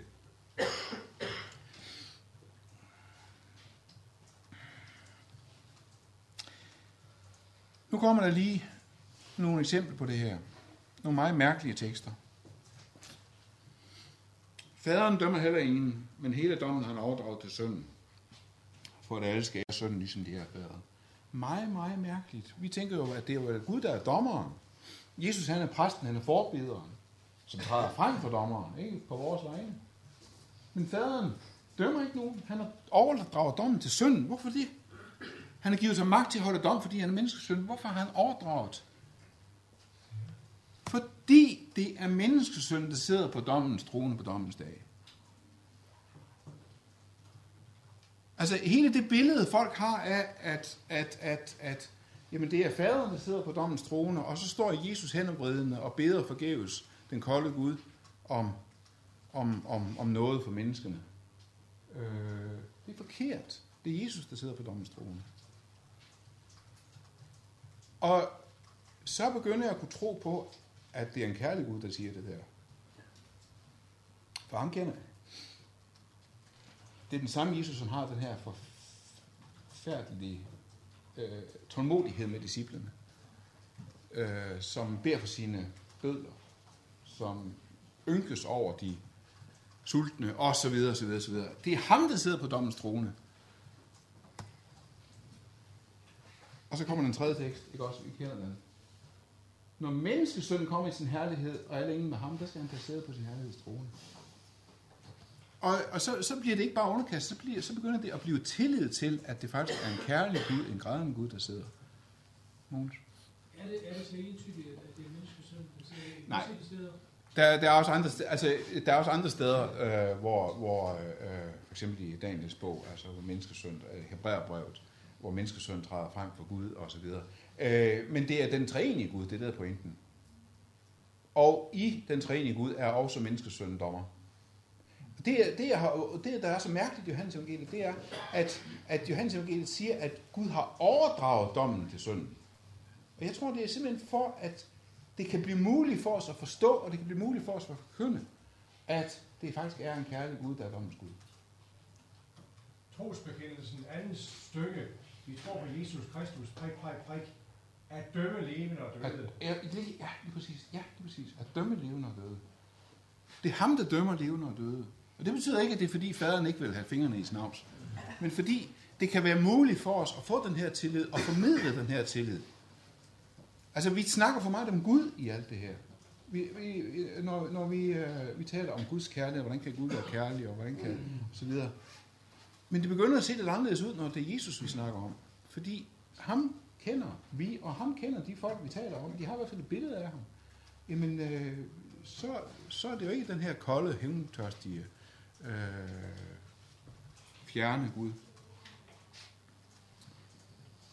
Øh, jeg er utrolig glad for den her tekst. Det er en af de tekster, i der betyder mest for mig. Ingen har nogensinde set Gud. Og det betyder ikke bare, at vi ikke har skuet den evige. Selvfølgelig har vi ikke det, der er der ikke nogen, der har. Men det betyder, at vi kan ikke forstå ham. Vi kan ikke begribe ham. Han er fjern og, og uforståelig og ufattelig. Den eneste fødte, som selv er Gud, og som er af faderens barn, han blev hans tolk. Altså det, at jeg kan, jeg kan ikke forstå Gud. Og jeg kan ikke forstå ham i det her, jeg kan ikke forstå ham i så meget andet. Jeg kan ikke forstå, hvorfor han er så fjern, jeg kan ikke forstå, hvorfor han er så tavs. Jeg kan ikke forstå, hvorfor han ikke hører efter. Og så han giver mig en oversætter. Han giver mig en tolk, som oversætter den her fjerne Guds fjernhed og kulde og ligegladhed og grusomhed, som, som Job taler om, til kærlighedens sprog. I Jesus kan jeg begynde at tro på, at det faktisk er. Altså jeg mener jo ikke, at Jesu kærlighed er større end faderens. Det mener jeg ikke, den er. Men den er mere troværdig. Den er mere tydelig. Den rent sagt gør mere indtryk. Øh, fordi han, øh, ja, han har lidt med os. Øh, og så, og så er så er han er blevet Guds ekseget, står der. Øh, han har tolket Gud. Han er blevet Guds ekseget. Er det ikke snart? Nå. Det er måske meget hermeneutisk, men øh, han er ikke snart hermeneutiker, den, der, den der tolker og tyder vores. Jo, det er jo ekseget mig, der står. Okay, Ja, det var ja. det, jeg på. Ja. Så kiggede jeg efter nu. Altså nu, nu, har jeg- nu, har du, øh, nu har du forsikret det er Guds kærlighed, der har bygget helvede. Ja. Men hvorfor det? Hvorfor det, ja. Ja, det er sandt. Øhm, Jeg tror, jeg skal hoppe lidt.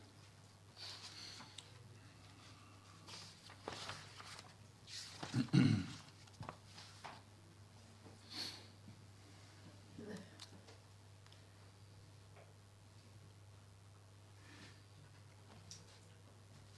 Jeg, jeg hopper lige over til noget af det apologetiske. For mig der er det her med tilliden til Kristus, det er det vigtigste. Tillidens kærlighed.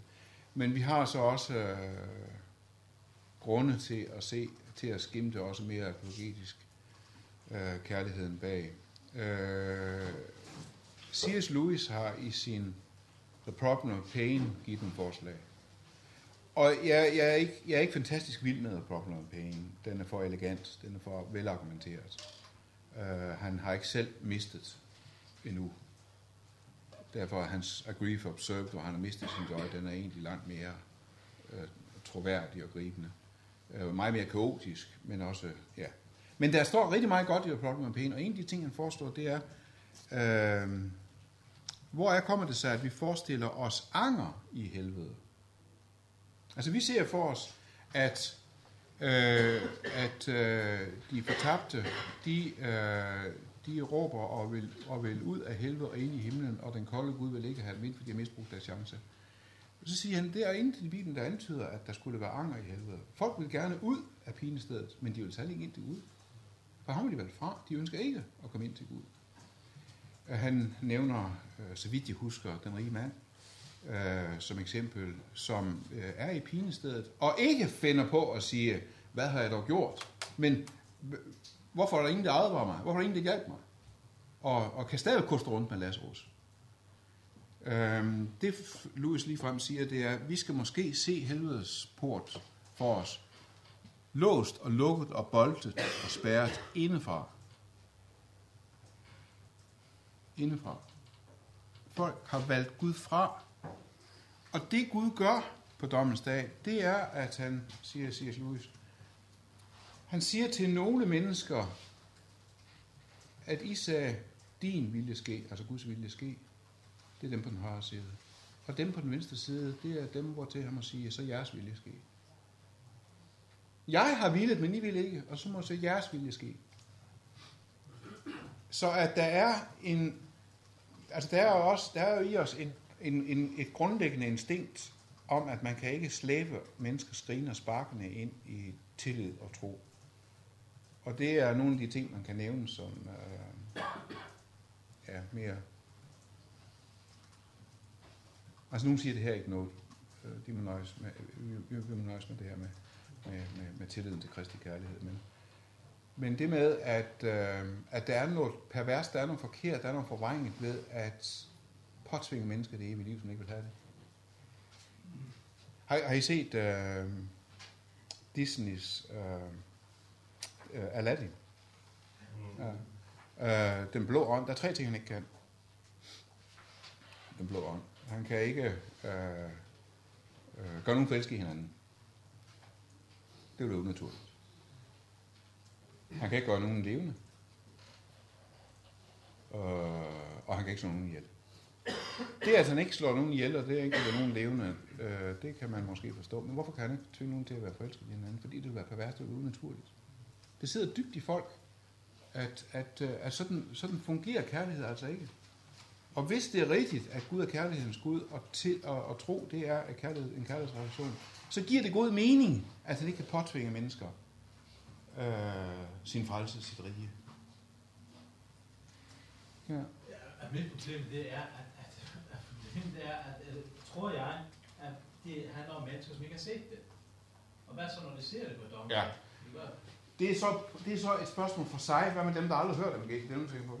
Nej, også Nej. dem, der har hørt evangeliet. Ja, ja. ser de, hov, det var rigtigt. Ja. Ikke?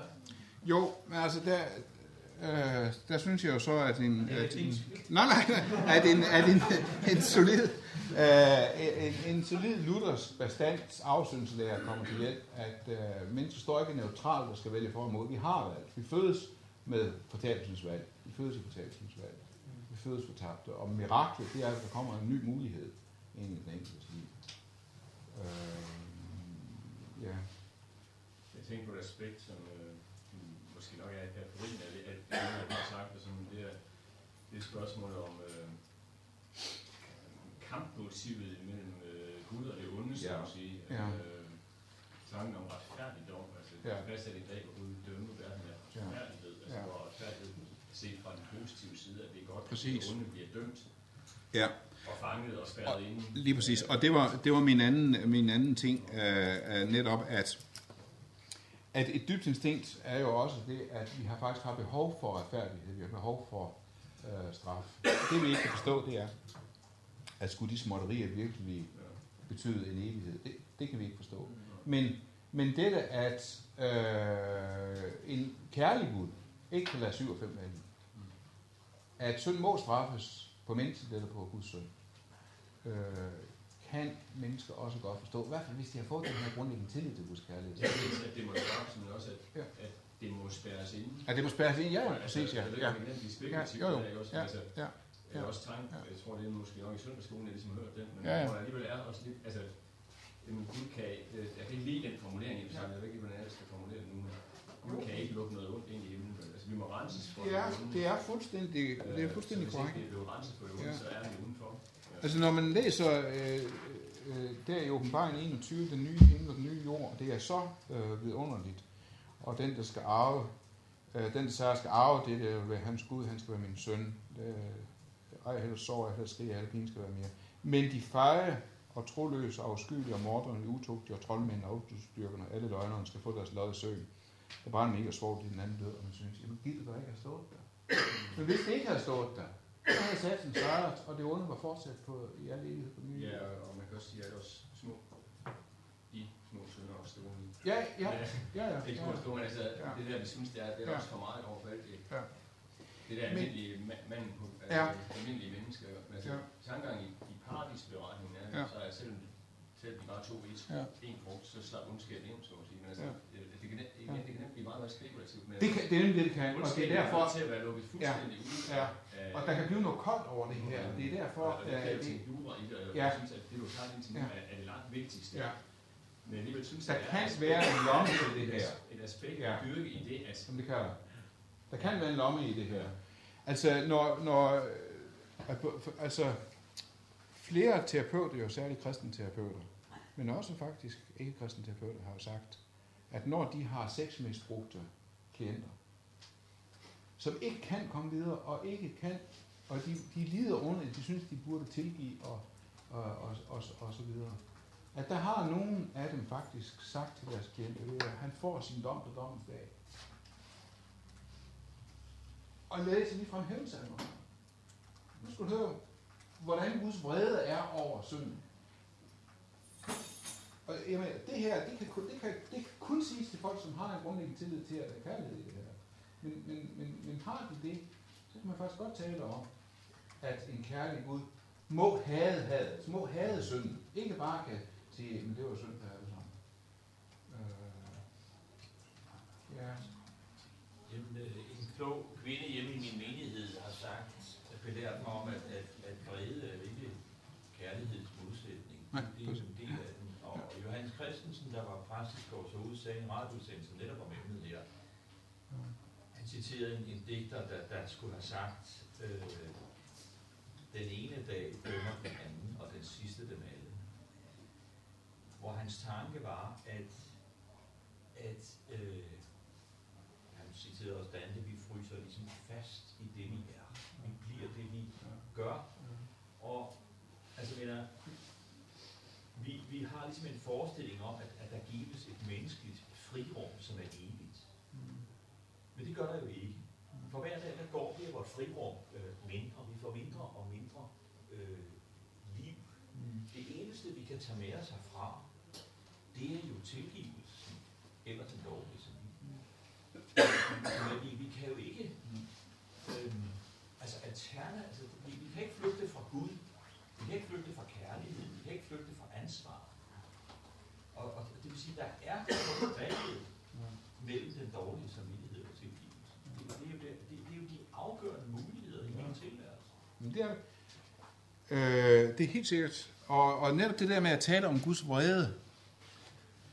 Og det, er- altså det er meget mærkeligt. I dag så er vrede jo på mode. Altså, øh, det er vigtigt at være i kontakt med sin vrede. Man skal kunne give udtryk for sin vrede, og man skal ikke at kvæle sin vrede og fortrænge sin vrede. Undtagen Gud, han må ikke være vred. Han er den eneste i verden. Den eneste, den eneste der har grund til at være vred, det er, øh, det er den eneste, der ikke må være det. Øh, og det er fuldstændig rigtigt, at vrede og kærlighed er ikke modsætninger.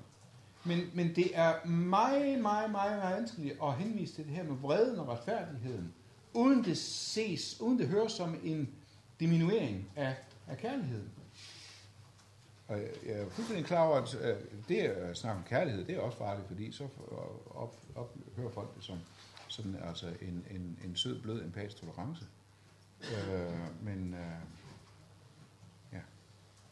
Øh, Jamen, jeg tror ikke, jeg forstod det der, du sagde med, at, øh, at helvede spurgte er indefra, at, Ja. at man vil ikke Gud. Øh, og så kommer jeg til at tænke på, vi snakker til om i dag, øh, Henning Thomsen, forsvarsministeren, han siger jo, men hans tolkning er jo, at, øh, at den der er det indlysende, indlysende for enhver, at selvfølgelig skal vi med øh, Kristus. Ja. Øhm, men det, det tænker du, der tænker du simpelthen, at der, der ser man stadigvæk, nej, jeg ved ikke. Eller det, Det, det er mit problem der, det er, at, at jeg tænker instinktivt præcis som Henning Thomsen. Det gør jeg. Et, et hvert instinkt i mig siger det der. Jeg skal til, jeg skal til troslæreren for at sige det andet. Ikke også? Og må stole på, at troslæren ved bedre end mit instinkt. Um, det kan man, det kan man gøre, det kan man så slås med sig selv om. Det er meget værre med en menighed. Øh, og et lidende menneske, et grædende menneske. Øh, Og det er også derfor, at altså, vi, kan, vi kan give det her apologetisk et lille rum, men det må ikke, det, det, det, det er for de færreste ret konstruktivt. Øh,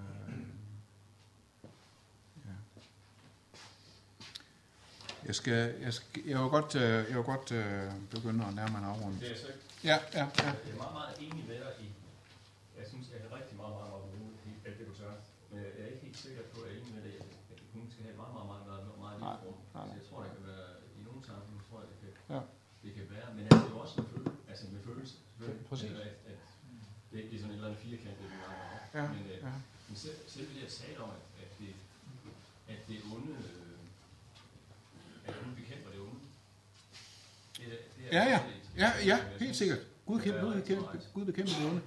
Øh, Øh, i tredje eller 27. Ja. skridt kommer til, at det onde også findes hos, øh, hos ham, der bor i, i Østergade nummer 27. Det er Ja. og selv Ja. sådan altså, at det onde findes i verden, det kan de fleste blive enige om. I på en eller anden led, ikke også? Øh, Men det, man, man, man- man skal have en lidt skizoid tænkning, og der kan mænd måske have en fordel. Lidt skizoid tænkning for at, og, altså, altså opspaltet. Okay. Ligesom altså, skizofren, det er den ultimative skizoiditet. Ja. Altså, øh, så- altså at, at, at man har sådan en tænkning adskilt fra de konkrete mennesker, man rent faktisk har i tanke. Altså. Øhm. Ja. Ja, jeg, jeg, jeg, ja. Jeg skal til at runde. Øh, øh, altså jeg suger jo til mig alt, hvad jeg overhovedet kan bruge for at lære at leve med. Jeg suger også til mig andre vinkler fra nogle gange. Jeg, spekulerer på, hvad nogle af mine kalviniske venner de ville sige til det her. For jeg har jo fornemmelsen, at de nogle gange vil synes, at vores far, det ville faktisk også virkelig hjulpet mig. Der er mange af dem, der vil sige, at vi har en far, der hedder at gå til hele spørgsmålet alt for antropocentrisk. At hvad? Ja, at gå til hele spørgsmålet alt, for antropocentrisk. Ja. Ja. For dem, der Ja. ja. er det store spørgsmål først og fremmest, hvordan det overhovedet kan være, at Gud han ikke smider os alle sammen ihjel. Ja. Ja. Øhm, Ja. Og den er vendt på hovedet, og det er ikke kun en apologetisk Ja. smart ting, men det er noget, der er dybt inde i mit hjerte, eller andet sted, der hjælper mig. Og det, det, det er, det, det er, øh, øh, det er fuldstændig rigtigt. Øhm, og øh, jeg kan huske på et tidspunkt, det var meget afslørende for mig selv. Jeg, jeg, jeg læste nogle af de her tekster og den her exegese omkring en dobbelt forudstemmelse, at Gud har bestemt nogen til frelse, nogen til fortabelse. At det greb mig selv i at sidde og ønske, at de havde ret. Så er jeg så dejligt fri. For ansvar. Jeg tror, at vores egentlige grund til at have det så frygteligt med det her, det er egentlig ikke kærlighed. Men det er, jeg vil ikke bære den sorg, og ikke bære det ansvar. Hvis, hvis nu Gud havde bestemt det hele, havde delt folk, og der vil her, der vil jeg ikke have. Åh oh, mand, så var det meget, alting meget, det var meget enklere at være forældre. Meget enklere at være præst, og meget enklere at være mennesker, synes jeg. Øh, altså umiddelbart er det jo en redselsfuld tanke, men, men det der med, at jeg faktisk greb mig selv i at sidde og ønske, at jeg havde ret, meget, meget afslørende for mig selv. Jeg skal altså heller ikke være så benovet over min egen medmenneskelighed og min egen tårer i det her. Altså så, så, øh, så, øh, jeg tror, nej, det kommer, det kommer først til nu. Jeg kommer på Indmission. Øh, Niels Bjerre, øh, fantastisk billede hængende på Aarhus. Harboøre, hos børn, øh, de missionske fiskere havde faktisk givet Niels Bjerre lov til at sidde med til deres bønnemøde og tegne. Øh, sikkert i håb om, at et eller andet faldt af. Øh, men han forblev nu grundvigianer. Øh, og, og det er... Øh,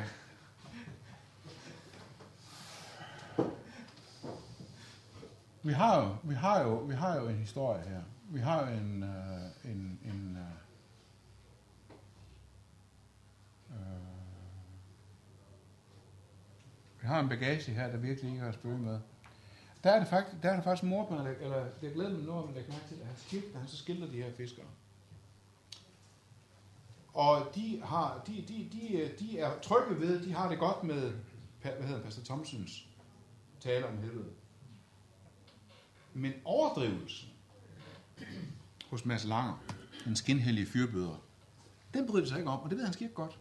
Mads Langer havde mærkelige ting at forkynde om nogle år skulle verden gå under, og sønder og hårdkaldet kastes i fyr. Mads Langer bevilge i øjnene og forklare magen, at plejede at passe, kaste sprogfulde kul i det flammende gab, så sådan det, det, det kan de her missions- og fiskere faktisk ikke klare. Det bryder sig ikke om. Det er en overdrivelse. Som de, øh, og det ved han skidt godt. Alligevel så sidder det jo altså i øh, billedet af Indemission, at øh, vi har den her begejstrede torden, den her begejstrede helvedesforkyndelse. En af de få, der har kunnet se igennem, det er jo Martin R. Hansen. Jeg har kun én gang hørt den gamle missionstorden, og givet mig kunne høre ham én gang til. I ham var der sind og ægthed, autenticitet, måske vrede, ligger også i ordet.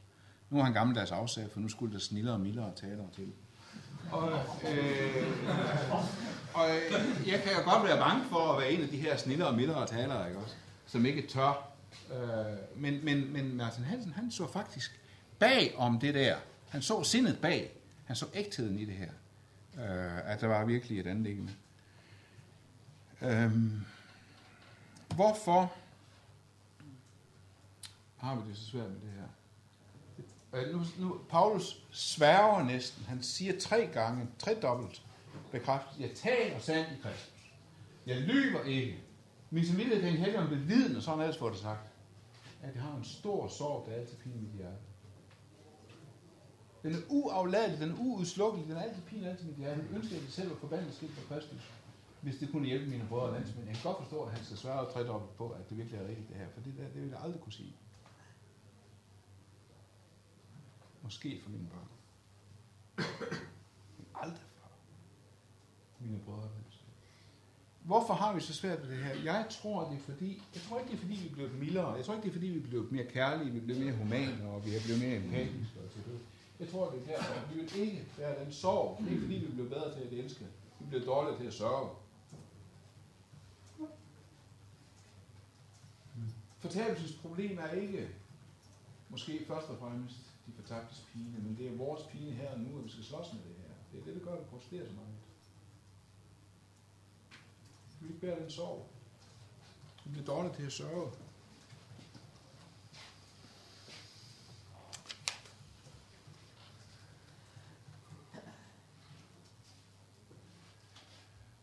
Jeg kan huske, da jeg på øh, en af, en af de, jeg tror, det var måske en af den sidste påskelejr, hvor jeg var generalsekretær i KFS, sad på et tidspunkt og snakkede nede i, øh, i øh, kaffestuen, der på Grenaa Gymnasium. Og vi, vi kom til at snakke om det her med fortabelsen, og, og en siger så, jamen jeg har hørt, at fortabelsen måske slet ikke er pine, men simpelthen udslettelse, forsvinden. Man forsvinder. Og mit altså hjerte sank jo livet på mig, fordi jeg har også hørt den. Jeg har mødt den. Den findes. Den var engang kætteri. I dag er den blevet mainstream, også blandt de evangelikale, annihilationslæren, at øh, der ikke er tale om EU-pine. Den, øh, det, det, øh, øh, arkitekten bag både Lausanne øh, øh, pakten og øh, Manila manifestet, øh, John Stott, holdt jo det her skjult øh, lojalt i mange, mange år, at han havde opgivet tanken på et evigt, et evigt pinested. Og så, øh, og, så, øh, og så skriver han så, nu kan jeg ikke huske, hvad bogen hedder, øh, for første gang, at han faktisk har, har haft det her syn altid, at øh, der ikke er tale om en evig pine. Og øh, vi havde mange diskussioner i International Fellowship of Evangelical Students om det her. Jeg tror faktisk aldrig, jeg mødte en leder, som gav John Stott ret i det her. Jeg tror heller aldrig, jeg mødte en leder, som så, at det var et helt stort problem. Øhm. Don MacLeod skrev så en artikel fra Free Church of Scotland College. Skrev så en artikel. Must we all become annihilationists? Skal vi alle sammen til at tro på det her med udsættelsen? Øhm. Og det er, øh, det er faktisk en ganske velskrevet artikel. Den er sjovere, end jeg egentlig synes, øh, øh, emnet tillader. Men, men han skriver, I have a blessed memory of a prominent evangelical in the early 60s challenging a meeting of theological students. How many of you have preached on hell? He was clearly expecting the answer, none of us, and was visibly shocked when almost every hand in the place went up. He hadn't reckoned on the audience drawn almost entirely from the Presbyterian Free Church of Scotland College. det var han ikke vant til, den her, at, at, at, at det har de fint med. Det er så en, en moderne, ny, nutidig klasse, øh, den går der over øh, Det er ikke det helt store problem. Det kan det godt. Og så skriver han faktisk senere hen i artiklen, More recently, the BBC's Everyman program searched in vain, or so they said, for an English evangelical prepared to affirm belief in hell. They had to make do with what one newspaper called a gloomy Edinburgh theologian. What would they have said if I had affirmed it happily? Kan jeg det? Altså på en led, så siger jeg, ej, det kan, det, det, kan man, det kan man simpelthen ikke. Man kan ikke bekræfte troen på helvede happily. Et eller andet sted langt inde kalder det faktisk på dyb respekt. Når åbenbaringsbogen priser Gud for hans retfærdige domme. Selv fortabelsen er til Guds ære.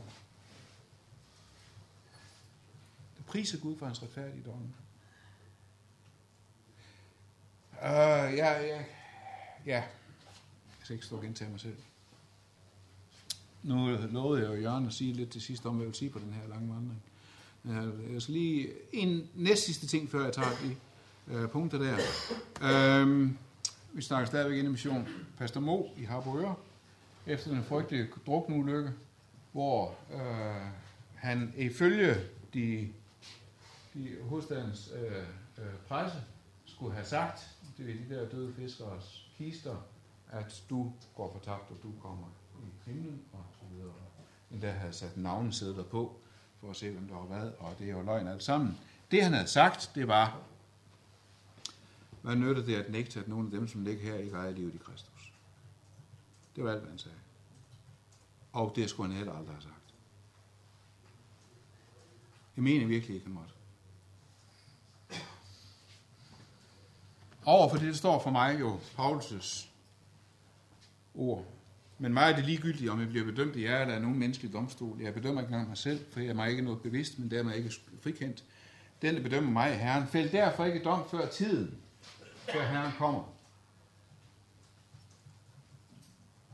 Fæld ikke dom før tiden. Han skal bringe forlyselse, hvad der er skjult i mørket, og bare hvad hjerterne vil. Der skal enhver få sin ros for Gud. Det at begynde at skille, øh, øh, hvad hedder det, klinde for ved, i dette liv, er simpelthen at fælde dom før tiden.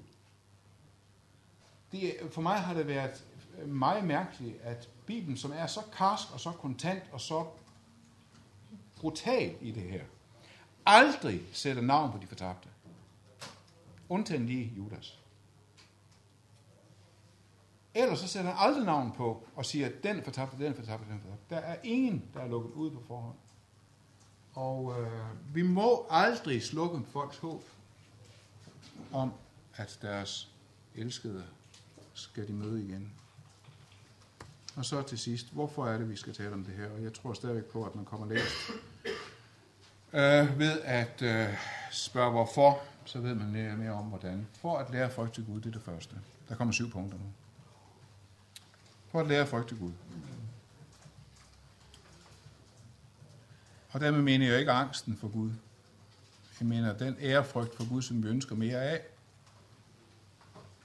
Det er jo fantastisk, at der står i, i 5. Mosebog, at I skal, frygt, I, I, I skal frygte Gud og elske Gud. Frygte og elske Gud. Ja. For at advare mod frafaldet. Altså jeg tror virkelig, at for nogen, altså mig selv, en af de ting, der holder mig i gang i livet, det er ikke bare, at jeg vil, jeg vil, jeg vil, jeg vil, jeg vil nødt til at blive arbejdsløs. Men det er også det, jeg vil ikke gå fortabt. Jeg tror, at, at, at vi kan sige til de troende, at den, der falder fra, den, der, den, der vender sig bort fra Gud, går ikke fortabt. Fordi vi har fået, i hvert fald i, i afsættet, en grundlæggende tillid til Guds kærlighed. Advarer mod frafaldet. Det kan lade sig gøre at falde fra troen. Det kan lade sig gøre og, og ja. Og så får jeg kalde til mission. 2. Korinther 5. Øhm, da vi nu har lært at frygte Herren, søger vi at vinde mennesker. Da vi nu har lært at frygte Herren, søger vi at vinde mennesker. Jeg har to gange kommet til, når jeg har citeret det der ord, kommer til at sige, da vi nu har lært at frygte mennesker. Og hvad kunne Freud ikke gøre det? Eller det ligger lige til højre ben. Nej, da vi nu har lært at frygte Herren, søger vi at vinde mennesker. For at gøre op med sandhedsrelativismen. Det her er måske det eneste sted, altså helt, helt herinde, er måske det eneste sted, hvor vores opgør med sandhedsrelativismen bliver absolut. Og hvor vi virkelig har noget at sige, at det er ikke ligegyldigt, hvad du mener, og hvad du tror, og hvad, hvilket verdenssyn og livssyn du har. Hvis ikke det havde været for fortabelsens risiko og fortabelsens mulighed, havde vi ikke noget at sige rigtigt for alvor om sandhedsrelativismen. Der ville enhver kunne sige, jamen jeg har det meget bedre, du kan, altså vi har kulturelle store fordele af vores tro, ja, men det er kun herinde, opgør med sandhedsrelativismen bliver absolut. For ikke selv at gå fortabt. Paulus er inde på det nogle gange, enkelte gange, at han øh, er hård mod sig selv, mod sit læge. Han fastholder sin tjeneste, for at han ikke selv skal forkastes.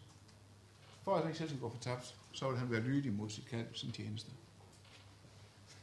For at forkynde om troens gerninger. Dommen efter gerninger. Matthæus 25, Romer 2. Matthæus 25, Romer 2. Dommen efter gerninger.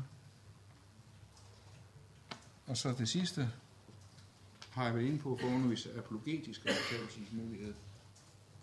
Øhm.